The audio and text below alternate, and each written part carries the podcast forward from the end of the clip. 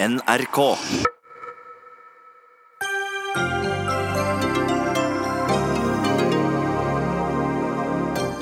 Demonstranter i Hongkong har tatt seg inn i parlamentsbygning. Nå varsler politiet at de vil fjerne dem. Hva nå, spør vi. Det er for lite kunnskap om unge demente i Kommune-Norge, mener Frp, men stemte ned tilskuddsordninga for denne gruppa. De taler med to tunger, sier Arbeiderpartiet. Og på tide å gjøre kjøttspissing harry, mener kommentator, som vil innføre kjøttskam i det norske vokabulæret.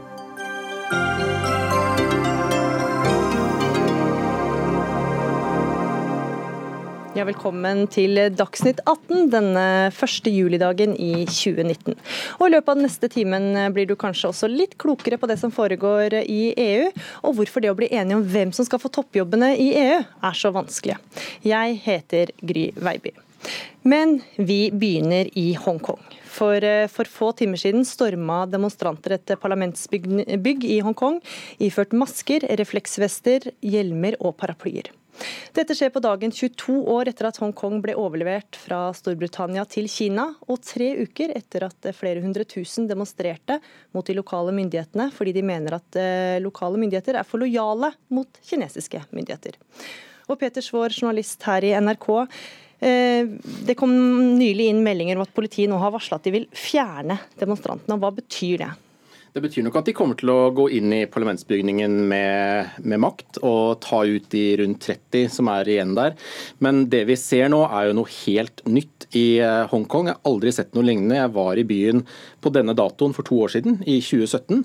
Det er jo ikke noe nytt at det er eh, demonstrasjoner i Hongkong på 1.7, som er årsmarkeringen for Kinas overtakelse. Men det som er nytt nå, er jo den radikaliseringen som vi har sett av disse unge demonstrantene. Det å gå inn i parlamentsbygningen Eh, tagge den ned. De har jo hengt eh, dette britiske koloniflagget over talerstolen. Det er en markeringsmåte som er helt ny, og som jo viser hvordan tror jeg disse ungdommene føler at de eh, ikke har blitt hørt. De ble ikke hørt i 2014 på striden om valgloven. De ble ikke hørt nå Eller de, de, føler at de snakker til en vegg da, når de snakker til Beijing. Og, og, til slutt så har de altså gått til mye mer radikale virkemidler enn det de har gjort noen gang før. Bare for noen år siden så var demonstrasjoner i Hongkong sånn at eh, de samlet inn og sorterte og kildesorterte sitt eget søppel. Uh, og nå, nå, driver de altså med, med å storme parlamentsbygninger. Mm. Henning Kristoffersen, antropolog og Kina-kjenner. Eh, demonstrasjonene har endra seg her nå. Kan det gjøre noe med oppslutningen rundt eh, disse demonstrasjonene? Det blir spennende å se. fordi at eh, Disse protestene som har holdt på i tre uker i denne, denne omgangen, de har jo bred støtte i, blant Hongkongs befolkning. Vi har jo snakket om innpå to millioner mennesker som har vært ute, av en befolkning på syv millioner. så det er, dette er, det er de unge, det er studenter, ja. Men det er faktisk bred støtte. Men eh, når du får den type altså jeg vil jo tro at det er en minoritet eh, som står for det som vi har sett i dag. Eh, vandalisme og eh, mye hardere tak. Og et politi som klok av skade holder, holder, seg borte så lenge de kan, men som likevel har selvfølgelig ansvar for å opprettholde lov og orden, så, så er vi i en litt ny situasjon. og og om den brede støtten eh, fortsetter, dersom eh, denne type handlinger fra eh, demonstrantene fortsetter, det, det, blir spennende å se. Det ble spekulert på sosiale medier at politiet venta med å gå inn fordi at nettopp for å skape at demonstrantene skulle ødelegge litt for seg sjøl. Har du tro på den forklaringa? Ja, jeg tror det, det, det, tror jeg på. Men det er også sånn at politiet var tidlig ute i forrige runde med å bruke vold. De skjøt med gummikuler, og, eh, det fikk de jo da eh, virkelig betale for i ettertid, eh, med rette. Så, det er nok en kombinasjon av at de vil for all del ikke være de første til å, bruke vold eller bruke, bruke harde, tak. Så, så, det er nok noe i det. Det som, er, det som, er, litt forskjellig fra Hongkong og oss, da, det er at uh, bare det å bruke tåregass f.eks., det var inntil for noen få år siden nesten helt utenkelig i Hongkong. Det var noe politiet bortimot aldri hadde gjort før. Uh, jeg tror faktisk første gangen de brukte tåregass var i 2014, mot uh, disse paraplydemonstrantene da. og for oss som er vant til blitsere og nynazister og Stein Lillevolden som slepes rundt asfalten i Oslo sentrum, så er det kanskje ikke så, høres det ikke så dramatisk ut. Men for mange, når jeg snakket med Hongkong i 2014, så opplevde de dette som et voldsomt eh, statlig maktovergrep. At de hadde brukt tåregass og eh, gummikuler og, og, og, batonger mot uh, demonstrantene. Og det, det i seg selv mobiliserte et veldig sinne. Og veldig mange av de som etter hvert var ute i gatene den gang, de var også ute i gatene i protest mot politiets metoder. Og det er litt av det vi også har sett nå. Vi så jo for tre uker siden hvordan det først var én million i gatene, ifølge de demonstrantene, eh, mot eh, denne utleveringsloven. Mm. Og så var det et voldsomt sammenstøt med politiet. Neste dag var det to millioner ute i gatene. Altså Det var en mye større folkemengde, og det var også pga. at den, den dynamikken som ligger i et sinne i politiets metoder, den er mye sterkere enn det vi kanskje ville trodd var naturlig med våre eh, norske øyne. Mm, de har hatt enorm oppslutning. Men Henning Kristoffersen, hva er det som Det er et eh, kontroversielt lovforslag som eh, ligger i kjernen av eh, hvorfor folk har tatt i gaten nå? Ja, det, er det som har satt i gang i denne runden. Men det, dette er jo et uttrykk for en generell frustrasjon som har bygd seg opp i mange år blant Hongkongs befolkning. Jeg skal bare bryte inn her at eh, De som ser på TV-bildene, så ser vi nå at politiet er eh, i ferd, står klare til å storme parlamentet mm. i Hongkong. Ja. Nei, Dette er en generell frustrasjon uh, blant hongkongere, uh, fordi de blir mer og mer del av Kina. I, uh, på begynnelsen av 90-tallet så var Kinas bruttonasjonalprodukt versus Hongkongs. Altså Hongkong hadde da nesten 7-28 av eh, Kinas bruttonasjonalprodukt. Så størrelsen på økonomien var en drøy fjerdedel. I dag så er størrelsen på Hongkongs økonomi under 3% av Kinas. Så Hongkongs posisjon er truet eh, på veldig mange områder. Det er liksom det økonomiske. Mm. Men så har du hele den eh, identitetsmessige mangelen på ytringsfrihet, demokrati, som de ser. Og som dette, dette lovforslaget blir et, en, en, veldig viktig symbolsak. da. For dette lovforslaget går også på Hongkongs eh, egenart? Ja, altså, jeg tror det som ligger litt bak de, den uroen vi har sett de siste ukene, og det som ligger bak det som skjer akkurat i kveld, det er jo eh, egentlig en veldig uro rundt eh, ja, det som heter den sino-britiske samarbeidsavtalen fra 1984, signert i sin tid av Margaret Thatcher, som skulle garantere at Hongkong i 50 år, fram til 2047, skulle ha Eh, tilnærmet på en måte vestlige standarder, et kapitalistisk system og ytrings- og organisasjonsfrihet. Og så opplever ungdommene at Beijing prøver å gripe inn i denne retten de føler de har til å leve under et friere system enn man gjør på fastlandet. Eh, både gjennom denne utleveringsloven, som da ville ha kunnet medføre at eh, organisasjons- og ytringsfriheten i Hongkong ville blitt veldig svekket. At man mm. kunne risikere utlevering hvis man kritiserte kommunistpartiet f.eks. Det samme så vi også under striden om valgloven for noen år siden, hvor man også følte at hvor Beijing ville forhåndsgodkjenne kandidater til hvem som skulle være regjeringssjef i Hongkong. Så man, det, er, det er en følelse, tror jeg, hvor disse som nå demonstrerer i gatene, føler seg mer og mer innsirklet av Beijing. Eh, og at eh, på alle fronter så er de på en måte eh, litt under angrep fra, fra en autoritær stat, og at de føler at de ikke blir lyttet til, og derfor så har de gått til stadig mer radikale virkemidler. Og Hvordan registreres dette i Kina, Kristoffersen? Nei, Beijing er jo særdeles lite fornøyd med dette. her. Disse protestene er jo også en åpenbar eh, misnøye med Beijing. Det ligger jo i, i sakens natur. Og Beijing er opptatt av stabilitet, om det er på fastlandskina eller i Hongkong.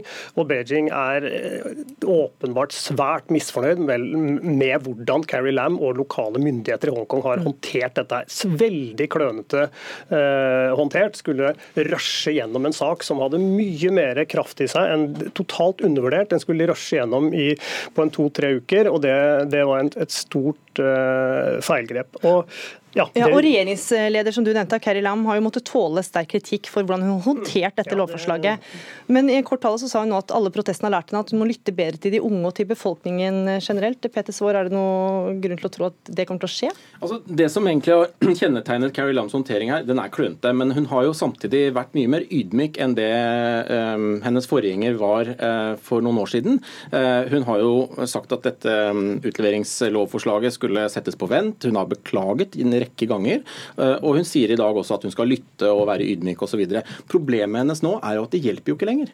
Selv om hun sier det, selv om hun prøver å gå demonstrantene i møte, så ser vi altså det vi nå ser på bildene fra Hongkong. Demonstranter som har stormet eh, denne eh, lovgivende forsamlingen, parlamentet, på en måte som aldri har skjedd før. Så det er jo det som er litt problemet. at selv om de forsøker å vise en mer ydmyk tone nå fra Carrie Lam, som også er utpekt av Beijing, så, så, hjelper det ikke. Men hvilken makt har egentlig Carrie Lam da, til å mm, si nei, sette, sette, på bremsene? Nei, Ganske liten, vil jeg si. Altså, det er jo, eh, Hvis dette er noe Beijing ønsker å gjennomføre, så er hun nødt til å lystre. Men det er klart at for Beijing så ligger jo dette, det som ligger i potten for dem nå, er jo at de ønsker å se Hongkong fortsette som en i et kapitalistisk system, som en kapitalistisk by, og, og som eh, den modellen det er. Eh, og, og, og, det som skjer nå, er jo noe av det mest dramatiske som har skjedd i Hongkong på mange tiår. Det er dramatiske bilder eh, på, på, på, film her nå, med demonstranter og tåregass og ja. Ja, det, det er det som er litt uh, mildt sagt fascinerende nå, er at demonstrantene de har jo oppnådd noe. Altså, de har jo fått denne uh, lov, lovendringen utsatt, ikke skrinlagt. og Det er det, de ønsker, men i praksis så tror jeg vi kan si at den er skrinlagt. Det går ikke an å gjennomføre den sånn som den står nå. Så på den ene siden så har du, ja, som Svaar sier, du har en mer ydmyk leder, absolutt, som, som kjemper for sitt politiske liv. Men på den andre siden så ser demonstrantene at det å gå ut i gatene, det fungerer. Eller for å si det på en annen måte, det er det eneste som fungerer. De har ingen annen arena å fremme sine syn på. Og Det er jo det som eh, Carrie Lam og lokale myndigheter må gjøre noe med. De må, de må gjennomføre i politikk muligheter til å eh, ha dialog med befolkningen. Hvis ikke de klarer det ved gjennomføringen av valg og i praksispolitikk fremover, ja, da blir gatene det, Da er det arenaen som, eh, som demonstrantene har, mm. og som da vitterlig til nå har kunnet innkassere noen seire på. Det er et tydelig veiskille vi står ved nå. Det er på mange måter det. Samtidig så er det jo eh, et generasjonsskille vil jeg kanskje si også i støtten til det som nå skjer, hvor de unge i større grad er eh, kritiske til Beijing. De føler en mindre tilknytning til fastlandet. De er eh, mer bekymret for å måtte leve i et system i 2047 som for dem ikke er så langt frem. Mens for den eldre garde i Hongkong så er det jo både mange som har eh, emigrert fra fastlandet i sin tid, som har tettere bånd til fastlandet, og som eh, er mer opptatt av stabilitet og ro. sånn at i hvert fall for tre-fire år siden, jeg vet ikke hvordan meningsmålingene har vært akkurat i dag, mm. men for noen år siden rundt denne valgloven så var det vel rundt 50-50, tror jeg som støttet eh, studentene den gang. Så det er ikke sånn at Hongkong er helt, eh, eh, står helt unisont bak de opptøyene vi ser nå i gatene dramatiske bilder i gatene, og noe vi garantert kommer til å høre mer, på, he, høre mer fra på NRK utover dagen og kvelden og i morgen sikkert. Peter Svaar, journalist her i NRK, og Henning Christoffersen, antropolog og Kina-kjenner, takk for at dere var med i Dagsnytt 18. Dagsnytt 18 alle hverdager klokka 18 på NRK P2 og NRK2.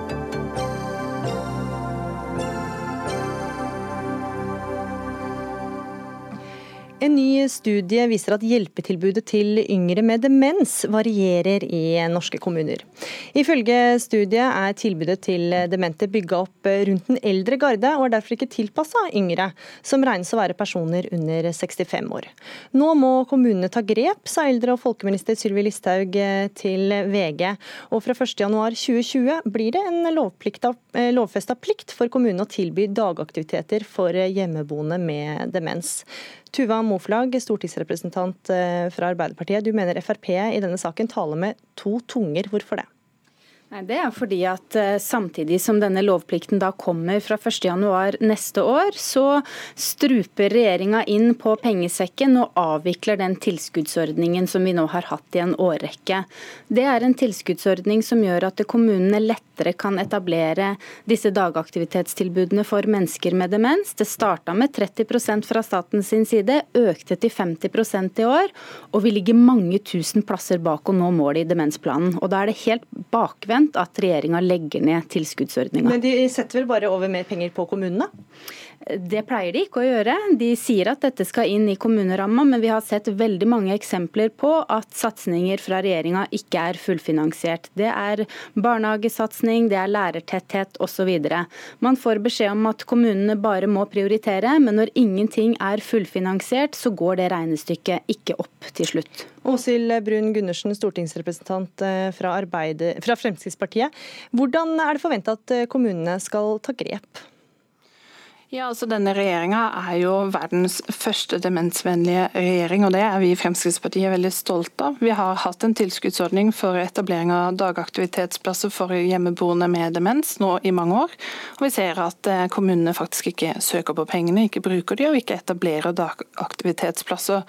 Og Derfor har vi i Fremskrittspartiet i regjering gått enda lenger, så nå lovfester vi plikten til å tilby dagaktivitetsplasser fra 2020. Og Da er det klart at da må kommunene finne penger til å prioritere det. Ja, Hvordan skal kommuner med f.eks. dårlig økonomi klare å prioritere dette? da?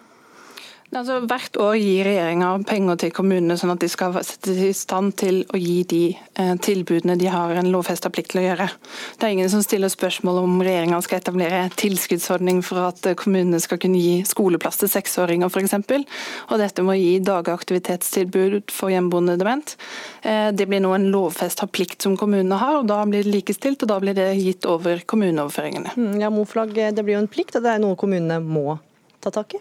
Absolutt, men det er jo sånn at demensplan, som regjeringa også sjøl står bak, eh, fastslår at man trenger ca. 9200 slike plasser, og det er ennå ikke etablert 4000 plasser. Så vi ligger noen, plasser, noen tusen plasser bak målet.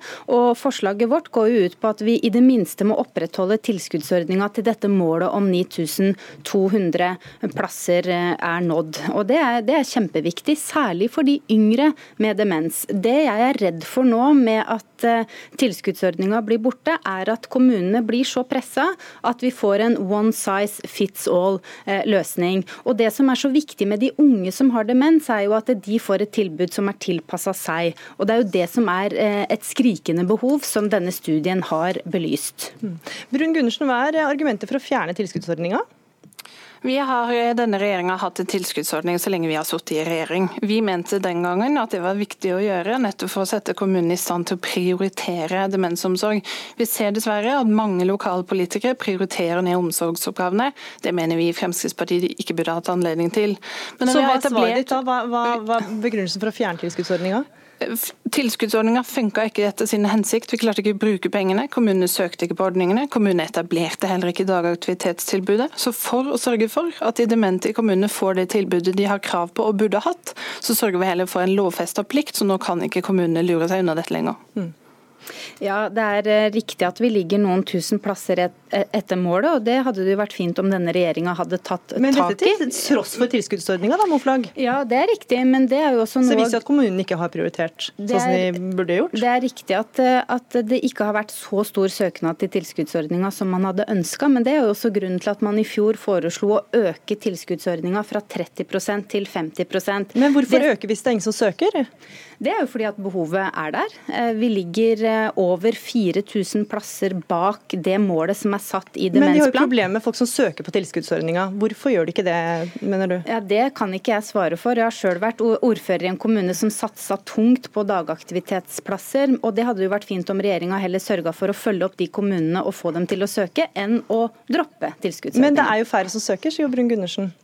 Eh, jeg vet ikke om det er færre som søker, men at vi ligger noen tusen plasser bak å oppnå målet, er det ingen tvil om. og Da mener vi at vi heller bør satse på tilskuddsordninga, videreføre den og støtte kommunene i å søke på den. Og satse på at eh, flere søker, Brun Gundersen?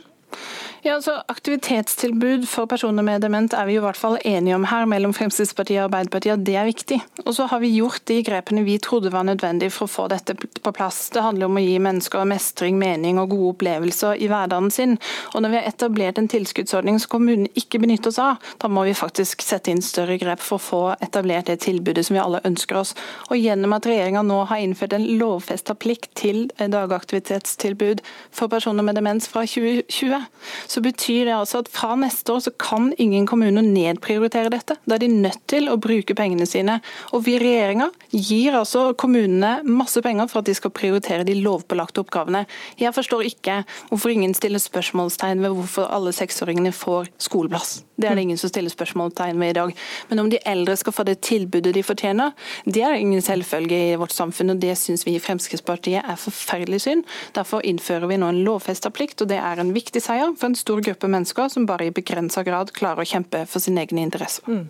Ja, Det er jo et enstemmig storting som har gått inn for at eh, dette skal bli en lovfesta eh, plikt for kommunene. Tilskuddsordninga ble innført allerede av den rød-grønne regjeringa da vi satt med regjeringsmakta. Og så må jo denne regjeringa svare for hvorfor man ikke har klart å skape nok oppmerksomhet rundt den og nok søkere til den. Så det er problemet ligger, mener du? At det ikke er nok, eh, nok oppmerksomhet? Litt, Brun Gundersen, du mener at det ikke er nok oppmerksomhet rundt den, som gjør at ikke flere har søkt tilskuddsordninga? Ja, det hadde jo vært fint om man hadde hatt mer press på dette fra regjeringa sin side. Eh, jeg mener jo det at vi har en lovfesting som et enstemmig storting har stilt seg bak, det er bra. Men da hadde det vært fint om tilskuddsordninga kunne få leve litt videre parallelt med eh, lovfestinga. Mm, ja, hva sier du til det, Brun Gundersen, at dere ikke har vært gode nok til å kommunisere ut dette? Det er jo mye penger eh, det er snakk om, men kommunene er for dårlige til å søke, sier du? Ja, Vi har gitt masse penger til kommunene de siste seks åra for å få de til å etablere dette tilbudet. og Nå syns jeg faktisk Arbeiderpartiet skal gå inn i seg selv. Dere styrer over halvparten av landets kommuner har ikke klart å sette dette på dagsorden. Det syns jeg er trist, og nå sørger i hvert fall regjeringa for at dere får ikke mulighet til å nedprioritere det i Arbeiderparti-styrte kommuner lenger. Ja, Hvorfor har dere gjort for å få mer oppmerksomhet rundt tilskuddsordninga i Arbeiderparti-styrte kommuner? Mm. Nei, Jeg har besøkt mange kommuner som har etablert eh, plasser for mennesker med demens med nettopp denne tilskuddsordninga, og som nå sier at det kan bli enda vanskeligere å bygge ut tilbudet. Det blir dobbelt så mange mennesker med demens de neste 20 åra, i og med at vi får en aldrende befolkning. Så behovet for tilskuddsordninga vil ikke bli mindre, heller tvert imot. Behovet for tilskuddsordninga vil bare fortsette å øke. Hmm, men fortsatt er det jo ikke nok folk som søker på det, da, bortsett fra der hvor du har vært, tydeligvis? Eh, ja, det er helt riktig at man ikke har kommet langt nok med det. Det har vært veldig stort fokus på sykehjemsplasser, eh, oppgradering av sykehjem for å få flere, dobbelt, nei, for å få flere enkeltrom, fjerne dobbeltrommene f.eks. Eh, så dette er absolutt noe som det må være mer fokus på i flere kommuner. Men lovplikten vil jo da bidra til det, og det burde ha vært para med en god finansieringsordning, mener vi. Mm, Brun Gundersen, du skal få svare kjapt på det.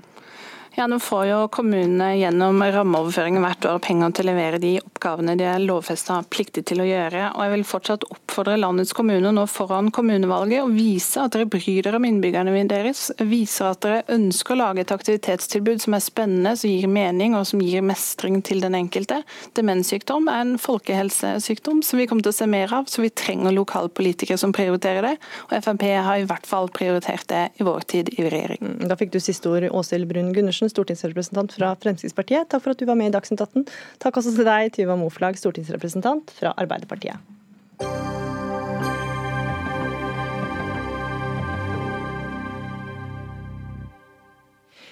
Brennpunkt-dokumentaren som viser svinebønder som behandler dyra dårlig, har fått Bergens Tidende-kommentator Anne Rokkan til å spørre eier du ikke kjøttskam? For som Rokkan skriver i en mye delt kommentar, eh, når verken dyrevelferd, klimatrussel eller egen helse kan holde forbrukerne unna en eh, tradisjonell fårikål eller frekk liten grillribbe, må det sterkere lut til. Anne Rokkan, du er kommentator i Bergens Tidende. Hvorfor er det på tide å kjenne litt på kjøttskammen?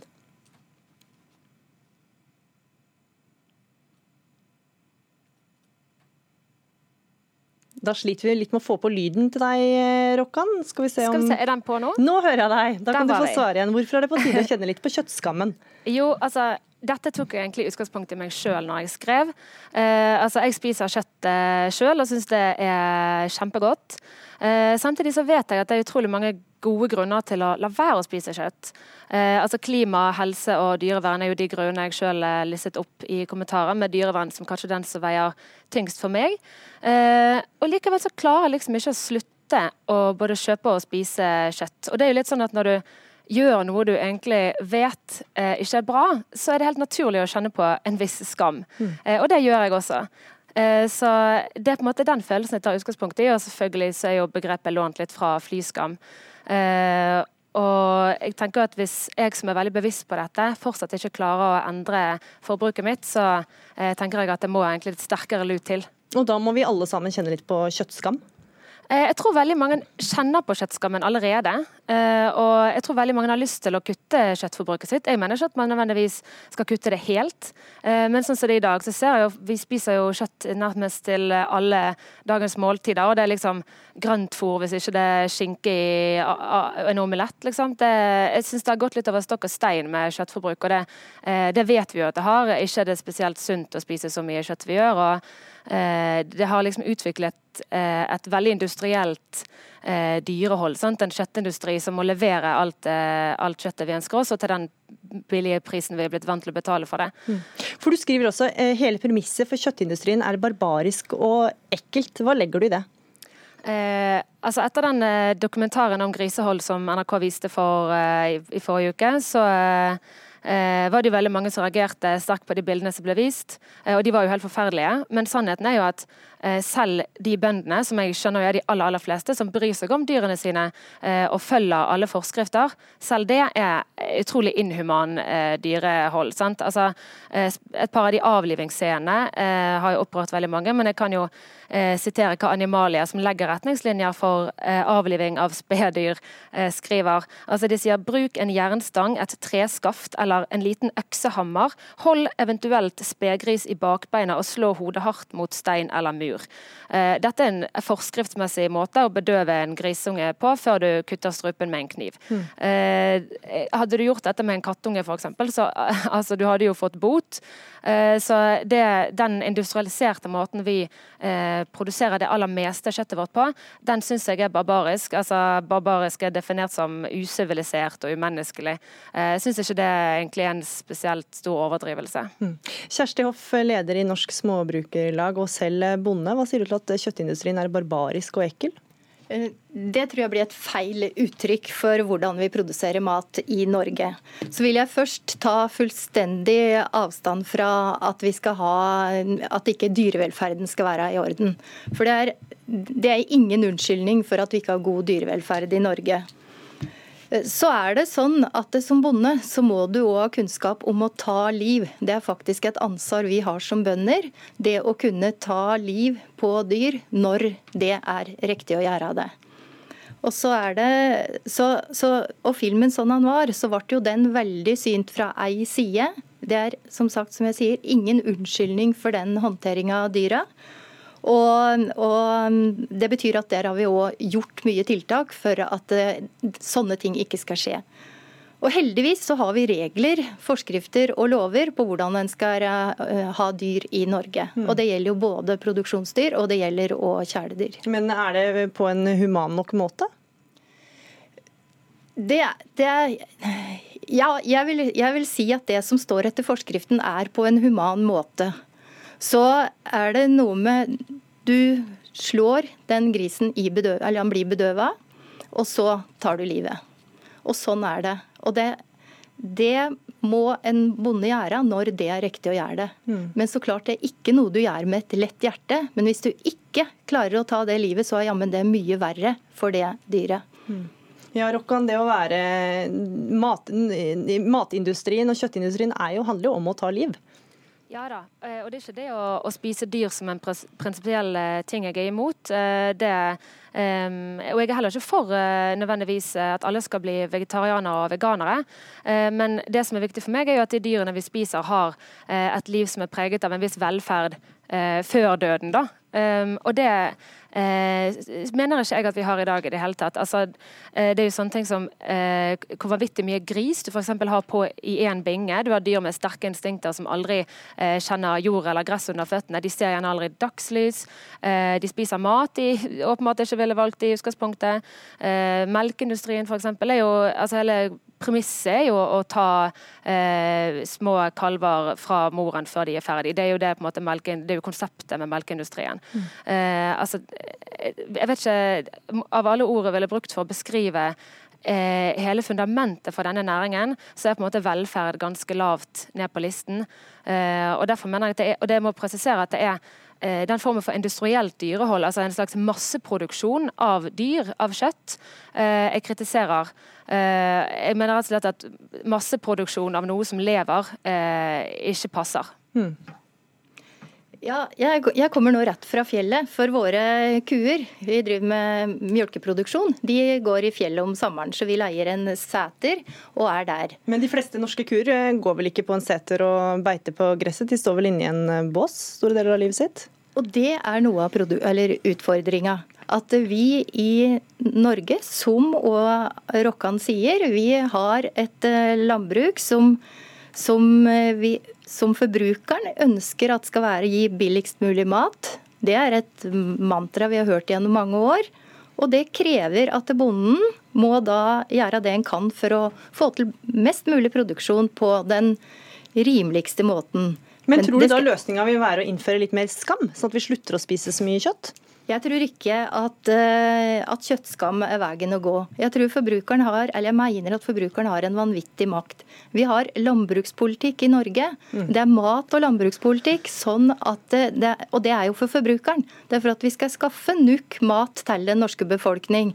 Og da er det den norske befolkningen som òg kan stille krav til hvordan den maten skal mm. produseres. Og da må jeg spørre deg, Anne Rokkan, helt på slutten her. Hva slags reaksjoner har du fått på innlegget ditt?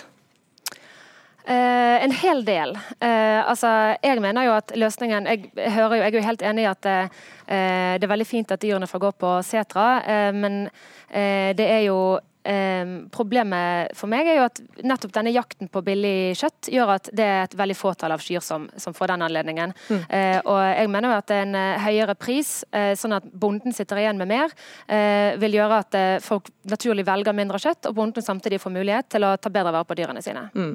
Da svarte du ikke helt på det jeg spurte om hvilke reaksjoner du har fått, men nå er vår tid ute. Anne Rokkan, kommentator i Bergens Tidende, og Kjersti Hoff fra Norges Småbrukarlag, takk for at dere var med i Dagsnytt 18. Hør Dagsnytt 18 når du vil. Radio NRK.no.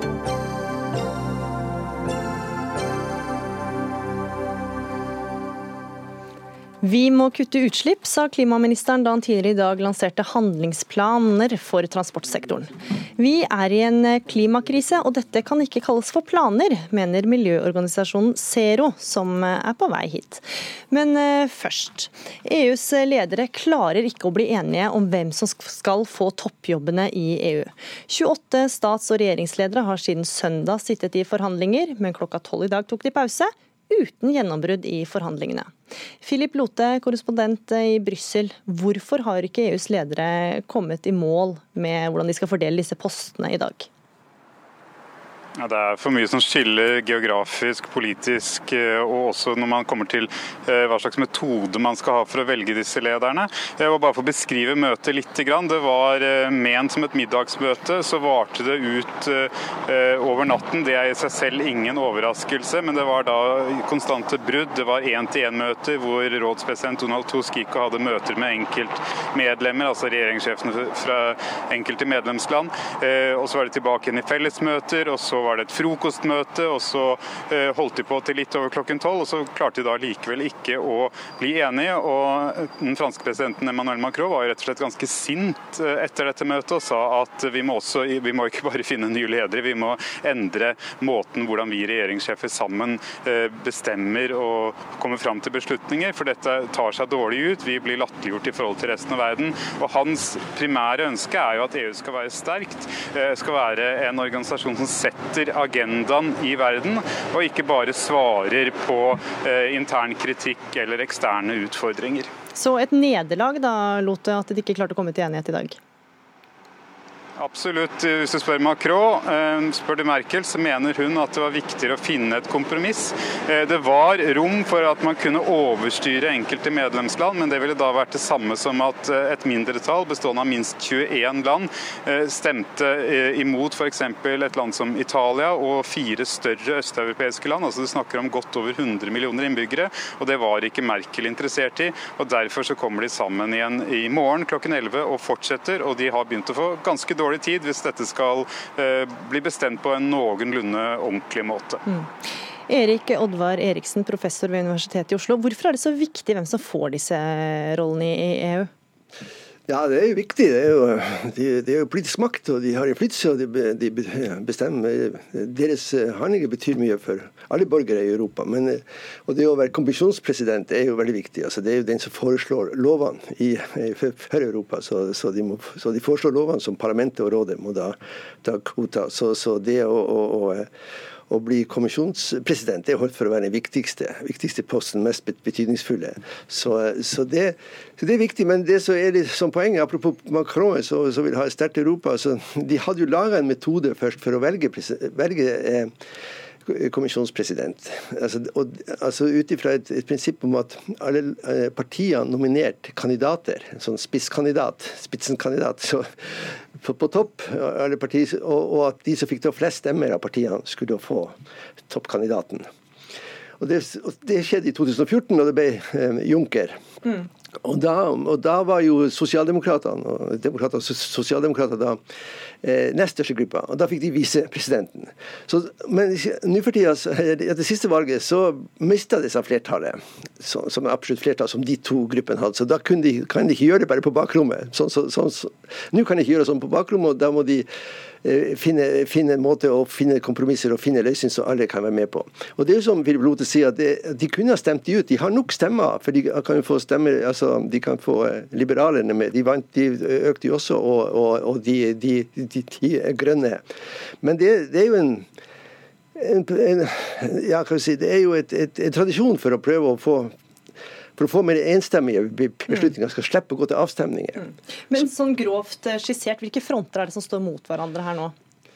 Ja, her nå så er det jo det at eh, de der, altså det er jo de, de såkalte populistene. altså Det er jo den, den Visegrad-gruppelandene som er da Polen, Ungarn, Tsjekkia og, og Slovakia. og og et par andre land, og så Italia, som, som, ikke vil ha, ja, ikke vil ha det, som er foreslått. altså Frans Timmermann, som er en sosialdemokrat. og Nederland, fra Nederland. Fra Nederland, ja, og en, eh, en interessant person. altså som de og oppfatter vil være en sterk person også til å kunne komme inn her og gjøre en, en, en jobb. og, og, og så, så vil kanskje bidra til et sterkere EU, da, som disse landene ikke vil ha. Så, så. Ja, og Det er spesielt da Frans Timmermann som de er eh, ikke ja. enige om. og Hva er forklaringen på det? Ja, Han har jo hatt ansvaret for å, å etterfølge da, de, de, de, de rettsbruddene i, i, spesielt Polen og Ungarn da, mm. fra kommisjonens side. Så han har stått på der for, for demokrati og, og, og rettsstat. og, og det, det liker ikke alle. Nei. Det falt ikke i god jord nei. i, i de respektive landene. Nei. Men dette valget, når det er så vanskelig å bli enig, hva slags legitimitet eh, vil denne ledergruppa ha da, når de endelig kommer i mål? Ja, det var spetakkel sist også. Altså, da Juncker ble valgt, så ville jo ikke britene ha han. Altså, da, da, da, var jo de med. Så det, det, altså, dette valget må jo altså, dette, altså, Det er landene som nominerer, så, så, så, så rådsmøtet her bestemmer jo egentlig ikke dette. De, de skal til parlamentet igjen. Så det, de, så det er parlamentet som egentlig har siste ordet her, og de skal, og de skal godta dette. Så, det er nå et, et, mer at EU blir mer likt et, et også et, vanlig demokrati, i, i denne forstand at de direkte folkevalgte forsamlinger har fått mer makt, og, og, og, man må også ha de med for å få, få noe gjort her. Ja, og Philip Lote, Planen er at toppjobben i EU skal være altså fordelt på onsdag, men EU-parlamentet må godkjenne nominasjonene. Kommer de til å gjøre det? Det som er litt av utfordringen her, er jo at eh, EU-parlamentets president er også en av toppjobbene som skal eh, deles ut. Og Den jobben den kan parlamentet på egen hånd bestemme hvem som skal få. og Da er det vanskelig å velge en president for EU-parlamentet før man vet eh, hvem som skal bli president for EU-kommisjonen, og eventuelt også hvem som skal bli president for EU-rådet, og hvem som skal få jobben som utenrikssjef i EU. Det er lettere å gjøre det hvis man vet i hvert fall hvem som skal være president for EU-kommisjonen. og man Manfred Weber, da, som har vært de konservatives kandidat til rollen, jobben som president for EU-kommisjonen. Han er jo også nevnt som en mulig president for EU-parlamentet, altså en litt lavere gradert jobb, som han selv ikke ville ha valgt hvis han kunne velge på øverste hylle. Men for å få ryddet opp i dette her, så er jo da EUs regjeringssjefer nødt til å bli klare med sin nominasjon, sånn at de har en innstilling til EU-parlamentet. Og så kan det jo hende at det blir refusert i EU-parlamentet, men hvis de ikke klarer å komme med kandidater i det hele tatt, så er situasjonen i hvert fall komplett fastlåst. Mm. Og Vi følger iallfall med, både her til lands og alle andre EU-land. EU Takk for at dere var med i Dagsnytt 18, Philip Lote og Erik Oddvar Eriksen fra Universitetet i Oslo.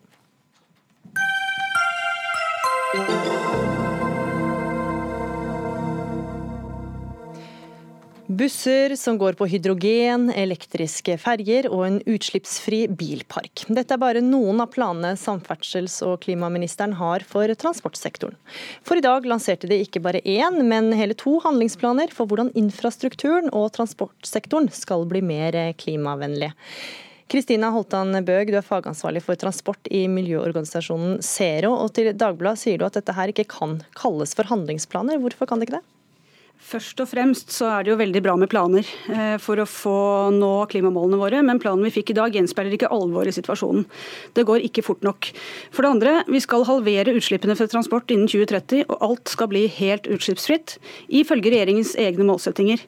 Det må mer konkrete virkemidler til enn det planen viser. Og for det tredje, så mener vi at staten må satse mer på en robust infrastruktur for fornybar drivstoff og gi næringslivet enda mer forutsigbarhet. Så det er for lite konkret det som kom fram i dag? Det er litt for lite konkret i forhold til å følge opp de ambisjonene regjeringen selv setter. og Skal man nå utslippshalveringen innen 2030, så må det mer konkrete grep til. Ja.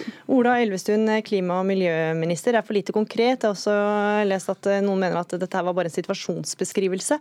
Hva er egentlig det nye dere presenterte i dag? Nå er vi jo i en situasjon hvor Norge gjør mer på transport for å få ned utslippene enn det noen andre land. I dag kom jo nyheten om at nå er elbilsalget oppe i 48% i siste måned. Og det er mer på tungtransport og på grønn skipsfart. Det denne, denne legger opp til, det er mange sider ved det. Det er jo hvordan du skal få på plass en ladeinfrastruktur. Der må hoveddelen være markedsbasert, at, en, at det lønner seg å gjøre det. Så skal staten passe på at det hele, hele landet dekkes med hurtigladere. Og du ser også på ulike systemer, enten det er byggeforskrifter eller i, i, hvordan du lager ladeklare bygg, for å se hvor det er barrierene. Og så må vi jo ha en satsing fortsatt på hydrogen, fyllestasjoner. Der er Nova som fortsatt er hovedvirkemidlet. De har en utbygging av det. Vi må legge til rette for biogass. Og også har vi ambisiøse mål på å bruke det avanserte, altså det gode biodrivstoffet. Men disse planene må ses sammen med alt det andre vi også gjør hvor vi bare jo forrige uke etablerte et nullutslippsfond for næringstransport, så de skal over på hydrogen, biogass og elektrisitet. Og da må vi ha den infrastrukturen også for å følge dette opp. Men for å ta tak i noe det, det du sier, altså, dere, dere, skriver i handlingsplanen og som du nevner nå da, at regjeringen vil legge til rette for rask utbygging av ladeinstruktur i hele landet. Hvordan skal det foregå? Nei, Hoveddelen må gå ved at dette lønner seg, at det, er, eh, at det er et marked og at det er private som gjør det. det Så dette er ikke noe staten skal bidra til? Pengene skal komme fra de private? Ja, det vil gå fortere enn hvis du lager en støtteordning, og det ser vi allerede i dag. Det som er statens oppgave, er å sørge for at det hele landet dekkes opp. Så allerede nå så har vi da en egen ordning for Nord-Troms og Finnmark, hvor vi tar 100% av investeringene. Vi har det samme vil ha i Lofoten, vi ser på det samme i Namdalsområdet, og også i Østerdalen og langs med svenskegrensa, der vi ser at dette går for sakte. Der tar vi en mye større del. Men i de sentrale delene, og når vi er oppunder halvparten av bilene som selges er elektriske i dag. Så det er klart at her finnes det et marked, eh, og vi må utnytte den viljen som også ligger i at det private gjør dette. Ingenting er mer effektivt enn å bruke markedet. Men når jeg hører deg nå, så høres jo dette ut som en situasjonsbeskrivelse. Hvor i disse handlingsplanene er det egentlig handling? Hva er det, det nye er... dere har presentert i dag? Ja, men Dette må jo ses i sammenheng med det vi også gjør for øvrig. Vi har altså nå 3,2 milliarder som vi legger inn i Enova. Vi lanserte senest forrige uke et nytt milliardinitiativ overfor næringstransport. Den næringstransporten, når den kommer å tas i bruk, så skal den selvfølgelig også ha en infrastruktur som disse planene omhandler. Akkurat som i revidert budsjett lanserte vi en ny ordning inn mot hurtigbåter, sånn at vi skal få de over også på nullutslipp. Og vi har også lansert at vi må se på kostnadsfordelingen mellom fylkene etter hvert som det kommer inn elektriske ferger, som også vil kreve økte utgifter. Så vi har, Det er jo hele virkemiddelapparatet som må brukes. Akkurat som når vi nå har, eh, har at kollektivtransporten skal bli fossilfri, så har vi jo bare i løpet av våren så har vi støtte både til Bodø, Oslo, Bergen, Drammen og Stavanger for å innkjøpe elektriske busser. Mm. Forrige uke lanserte vi Klimasatsfordelingen, som også har mye infrastruktur i seg. Og her sånn vil vi jo se på da både hvordan vi følger opp med offentlige anskaffelser for å sikte at du har kunnskapen mm. for at man ikke lager nye anbud med diesel, og vi vil vurdere også å lage strengere regler regler. Ja, Bøg, syns du det ble mer konkret etter å ha hørt eh, Elvestuen her? Så Hvis regjeringen skal nå målene sine i Granavolden på transportsektoren, så er det utslipp fra godstransport som skal løses nå. Eh, næringslivet skal sørge for at klimamålene nås, det er jo der det skal skje. Eh, og Da må løsningen være på deres premisser. Og Vi kan ikke lenger lene oss på elbilpolitikken og tro at det samme automatisk vil skje i næringstransporten. Eh, jeg hadde et møte tidligere i dag med Coop, en av de vi samarbeider med. og de står, Det er ett eksempel blant mange andre på store aktører som står i innkjøpsbeslutninger i dag. De kan ha bilparker på flere hundre tunge kjøretøy.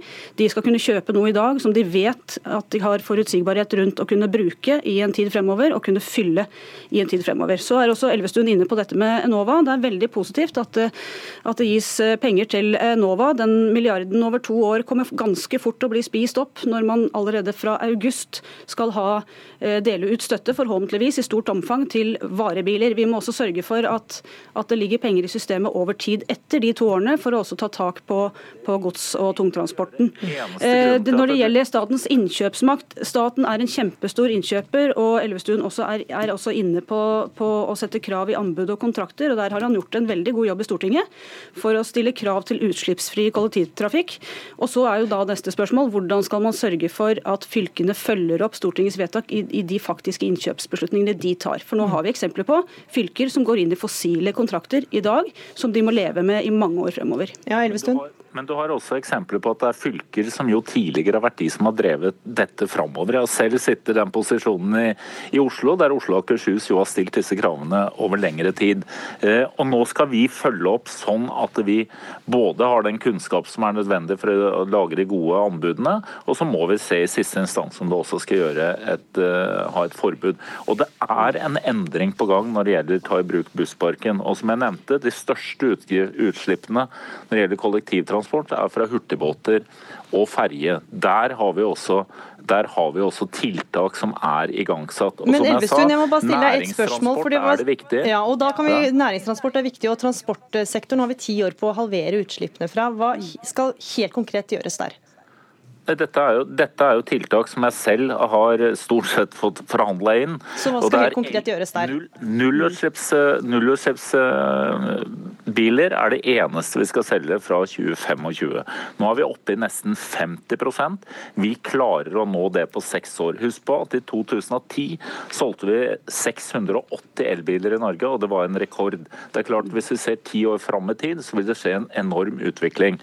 Der det nå går for seint, er innenfor næringstransport transport. Nettopp derfor så, i, så satte vi i gang da en nullutslippsfond i forrige uke. Den er satt opp til to år, ikke fordi at innsatsen skal stoppe etter to år, men om to år så lager vi en ny kontrakt med Enova der støtte til nærings, næringstransport vil være en del av dette. Så Grønn skipsfart la jeg frem en handlingsplan for to uker siden, mm. og nettopp der også så er det tiltak innenfor alle, alle fartøyskategoriene eh, for å få ned utslippene. Så er det noe vi ligger i front på i Norge og fra regjeringens side, og viser vilje til å gjennomføre, så er det å få ned utslippene innenfor transport. Og, og de skal da, ned 50 Ola Elvestuen, klima- og miljøminister, da fikk du siste ord. Takk for at du var med i Dagsnytt 18. Takk også til deg, Kristina Holtan Bøg, fagansvarlig for transport i miljøorganisasjonen Zero.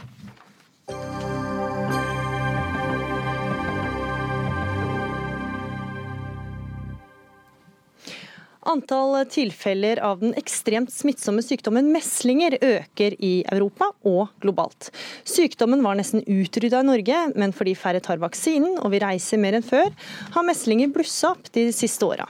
Og globalt ser man en økning i forekomsten av meslinger på 30% ifølge Verdens helseorganisasjon, som peker ut vaksinemotstand til en av ti globale helsetrusler i år. Torstein Wiik, du er professor emeritus i barnesykdommer ved NTNU. Det er rett og slett usunt å være skeptisk til vaksinen, skriver du i en kronikk i Aftenposten sammen med to overlegger. Hvorfor er vaksineskepsisen farlig? Jo, I dette tilfellet så er den farlig fordi uh, den har jo ført, som vi har sett, til denne nedgangen som du beskriver i, uh, i vaksinedekning. Uh, og den er farlig fordi at meslinga er ikke en harmløs sykdom. Det er en sykdom som har en ikke ubetydelig dødelighet, og som har betydelige alvorlige um, komplikasjoner i form av hjernebetennelser eh, som kan komme akutt, og som kan komme eh, noen uker etter at man har hatt meslinger, eller til og med år etter at man har hatt meslinger.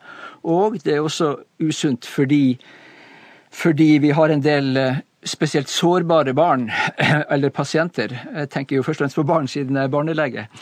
Vi har, vi har, jo barn som behandles for kreft, f.eks., hvor det kan være virkelig livsfarlig hvis de får, blir smitta med meslinger. Mm. Og også de spedbarna som ikke er vaksinert, er det farlig for. Mm. Og så vet, vi også, vet vi også, De ja. som er skeptiske til vaksiner, er eh, veldig skeptiske til bivirkningene av vaksinene. Hva vet vi egentlig om bivirkningene? Ja. Jo, vi vet jo ganske mye om det, og i den kronikken vi skrev, så forsøkte vi jo å bringe dette fram på en balansert måte. Eh, de, ganske mange barn får bivirkninger, men de fleste av disse er veldig milde. Eh, alvorlige bivirkninger er ekstremt sjeldent. Eh, ekstremt sjeldent. Og så finnes det noen bivirkninger som, som ligger i, i mellomsjiktet, altså feberkramper og, og, en spesiell type blodsykdom. Men, mm. så, så det er ikke, vaksinen, vaksinen er ikke bivirkningsfri, men, men er, vi snakker altså om en ja, voldsomt forskjell i, i dimensjon på disse bivirkningene i forhold til sykdommens uh, potensielle alvorlighetsgrad. Lege og leder i Foreningen for fritt vaksinevalg, Sigurd Nes. Du skriver i en kronikk i Aftenposten at det ikke er grunnlag for å konkludere med at bivirkningene av vaksinen er milde og lite alvorlige. Og taler da egentlig mot all forskning, Verdens helseorganisasjon og Folkehelseinstituttet. Hvordan begrunner du det? Det kan begrunnes i at de sikkerhetsstudiene, studiene som skal avdekke bivirkninger, er svært mangelfulle. Etterlever ikke grunnleggende vitenskapelige krav til metode og etikk. Så det foreligger, hvis du tar ca. 30 barnevaksiner i det amerikanske vaksineprogrammet, så har de, med unntak av én, så har de ikke reell placebo. Altså Placebo skal være inaktivt, altså det melkesukker, saltvann. Men det de bruker som placebo, er tidligere vaksiner, forrige årets influensavaksiner. De bruker adjuvansene, altså denne uh, men, hjelpestoffene. Men, hva er din forklaring da på at du taler imot all forskning på dette feltet? Nei, Jeg taler ikke mot all forskning, jeg har masse i ryggen her. Du har noe som heter Institute of Medicine, tung medisinskfaglig institusjon i USA. De har kommet med gjentagende tunge analyser fra 94 2012. Du har Cochrane, som er hva jeg skal si, du skal få slippe å ta hele referanselista her. De, de, konkluderer akkurat sånn som meg. Det, det er, studiene er inadekvate og, og ikke foretatt på reelt sammenlignende grunnlag. Men, men hva, hva, tenker du, hva, hvilken, hvilken, eh, bakgrunn eller hvilken interesse har uh, all forskningen som WHO, WHO eh, støtter seg til og Folkehelseinstituttet har for at den er feil? Hvilken, hvilken begrunnelse skal de ha for å si noe som ikke stemmer? Altså, det blir jo å spekulere i motiver og sånt. Jeg kan bare konstatere hva som er et faktum, og som ikke bare kommer fra meg, men som fra tunge institusjoner. Og at, og at det Vik sier, man, de konkluderer med at man har ikke forskningsmessig belegg for å konkludere om bivirkningene verken på kort, lang eller mellomkort tid. Man opererer med svært små observasjonsgrupper. Ultrakort tid, fire dager, kanskje opptil 42 dager. Eh, og som sagt da ikke har en kontrollgruppe som er reell. Hanne Nøkleby, fagdirektør for Folkehelseinstituttet. Hva, hvilke tanker gjør du deg når du hører eh, lege Sigurd Nes eh, argumentere som han gjør? Jeg tenker at det er å se på en veldig liten del av kunnskapsmengden. Fordi at Her snakker vi jo først og fremst om MMR-vaksinen eller meslingvaksinen. Vi kan snakke om alle, men det blir så utflytende. Og Meslingvaksinen har vært i bruk siden 60-tallet, MMR-vaksinen siden rundt 1980, og den er gitt i millioner på millioner på millioner av doser. Og det er klart at Da får man et erfaringsgrunnlag på hva som faktisk skjer når barn får denne vaksinen, som er veldig stort. Og vi vet jo at alle vestlige land og en hel del andre har systemer for å melde uønskede hendelser, og vi vet at det skjer en undermelding. Men vi vet også at de virkelig alvorlige tingene de blir fanget opp og undersøkt nærmere. Og og Nes, konsekvensen av det du sier. altså USA har sitt verste, verste meslingsutbrudd på 30 år. Nylig innførte New York forbud mot å nekte meslingvaksine. og Det er jo en svært eh, farlig sykdom, det spres fort. Hvilke konsekvenser har det at du sprer tvil om eh, vaksinen, tenker du, som lege? Jeg sprer ikke tvil om vaksinen som sådan. Det forskningsmessige kravet er ikke etterlevet. Dette er vaksiner vi gir til presumptivt helt friske barn verden over i stort antall. Og Da skulle det bare mangle at ikke grunnleggende vitenskapelige metodekrav og etiske krav blir etterlevet, og det gjør det ikke. Mm. Du Torstein eh, Vik, eh, hva mener du, hvilke konsekvenser har det at eh, legen Sigurd Nes sier det han sier nå? Nei, jeg føler at han er, han er, eh, ganske mye på jordet, for å si det mildt. Eh, han, eh, det, det, var jo gjort placebostudier i starten, det var gjort kontrollerte studier i starten, men det er klart, det ligger jo 50 år tilbake i tid. Vitenskapen har gått fremover, det er mange ting som har gått fremover. Å gjøre en placebokontrollert studie nå vil kreve kolossalt antall inkluderte pasienter. og Hvis han vil ha langtidsoppfølging av det, så betyr det jo at han utsetter barn for risiko for å få disse, den alvorlige smittsomme sykdommen.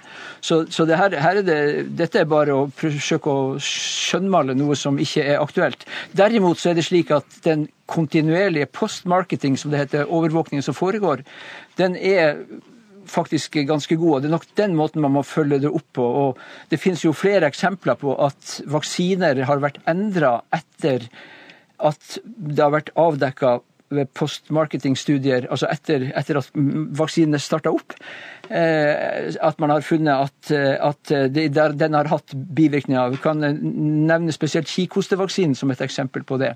Som, hvor man endra type vaksine etter at Eh, det ble nok dokumentasjon på at den hadde visse eh, bivirkninger som man ikke ønska. Til gjengjeld så har man da fått en litt mindre aktiv vaksine. Sånn at, sånn at og, og, eh, det er jo helt Egentlig så skjønner jeg ikke at Nes kan, kan foreslå det. Jeg tror ikke han ville få han kan jo prøve å gjøre det, selvfølgelig. Han kan søke etisk komité og se om han får etisk godkjenning for å gjennomføre en placebokontrollert studie over lang tid. Og Det kan jo også ha store konsekvenser, fordi man må ha flokkimmunitet for at dette skal fungere.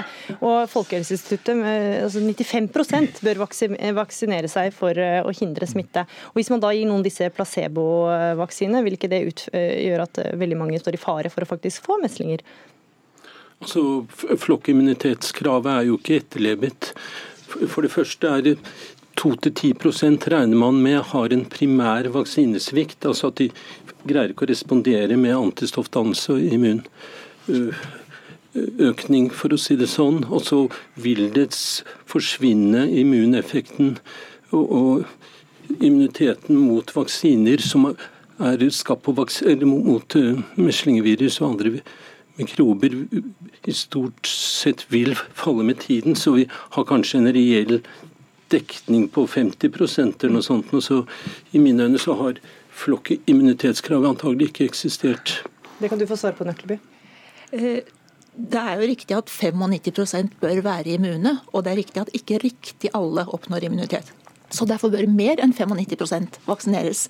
I Norge så vaksinerer vi 97-98% og da burde vi ligge godt an der. Så er det riktig at antistoffnivået faller. Men vi ser jo nå, ikke minst i forbindelse med noen av disse utbruddene, at eh, de aller fleste er beskyttet, selv om antistoffene er lavere etter mange år. Og de ganske få som er vaksinert og blir syke, de får for det første en lett sykdom, og det ser ut til at de ikke eller i veldig liten grad smitter videre. Mm. Sånn at det hjelper, selv om man måler lavere antistoffer. Og Dere har advart mot eh, vaksineskepsis i sosiale medier, eh, Nøkleby. Veldig kort til slutt, hvorfor det? Altså, vaksineskepsis Vaksinemotstandere er det ikke så veldig mange av. Men det er mange som lurer på er det helt riktig å gjøre dette.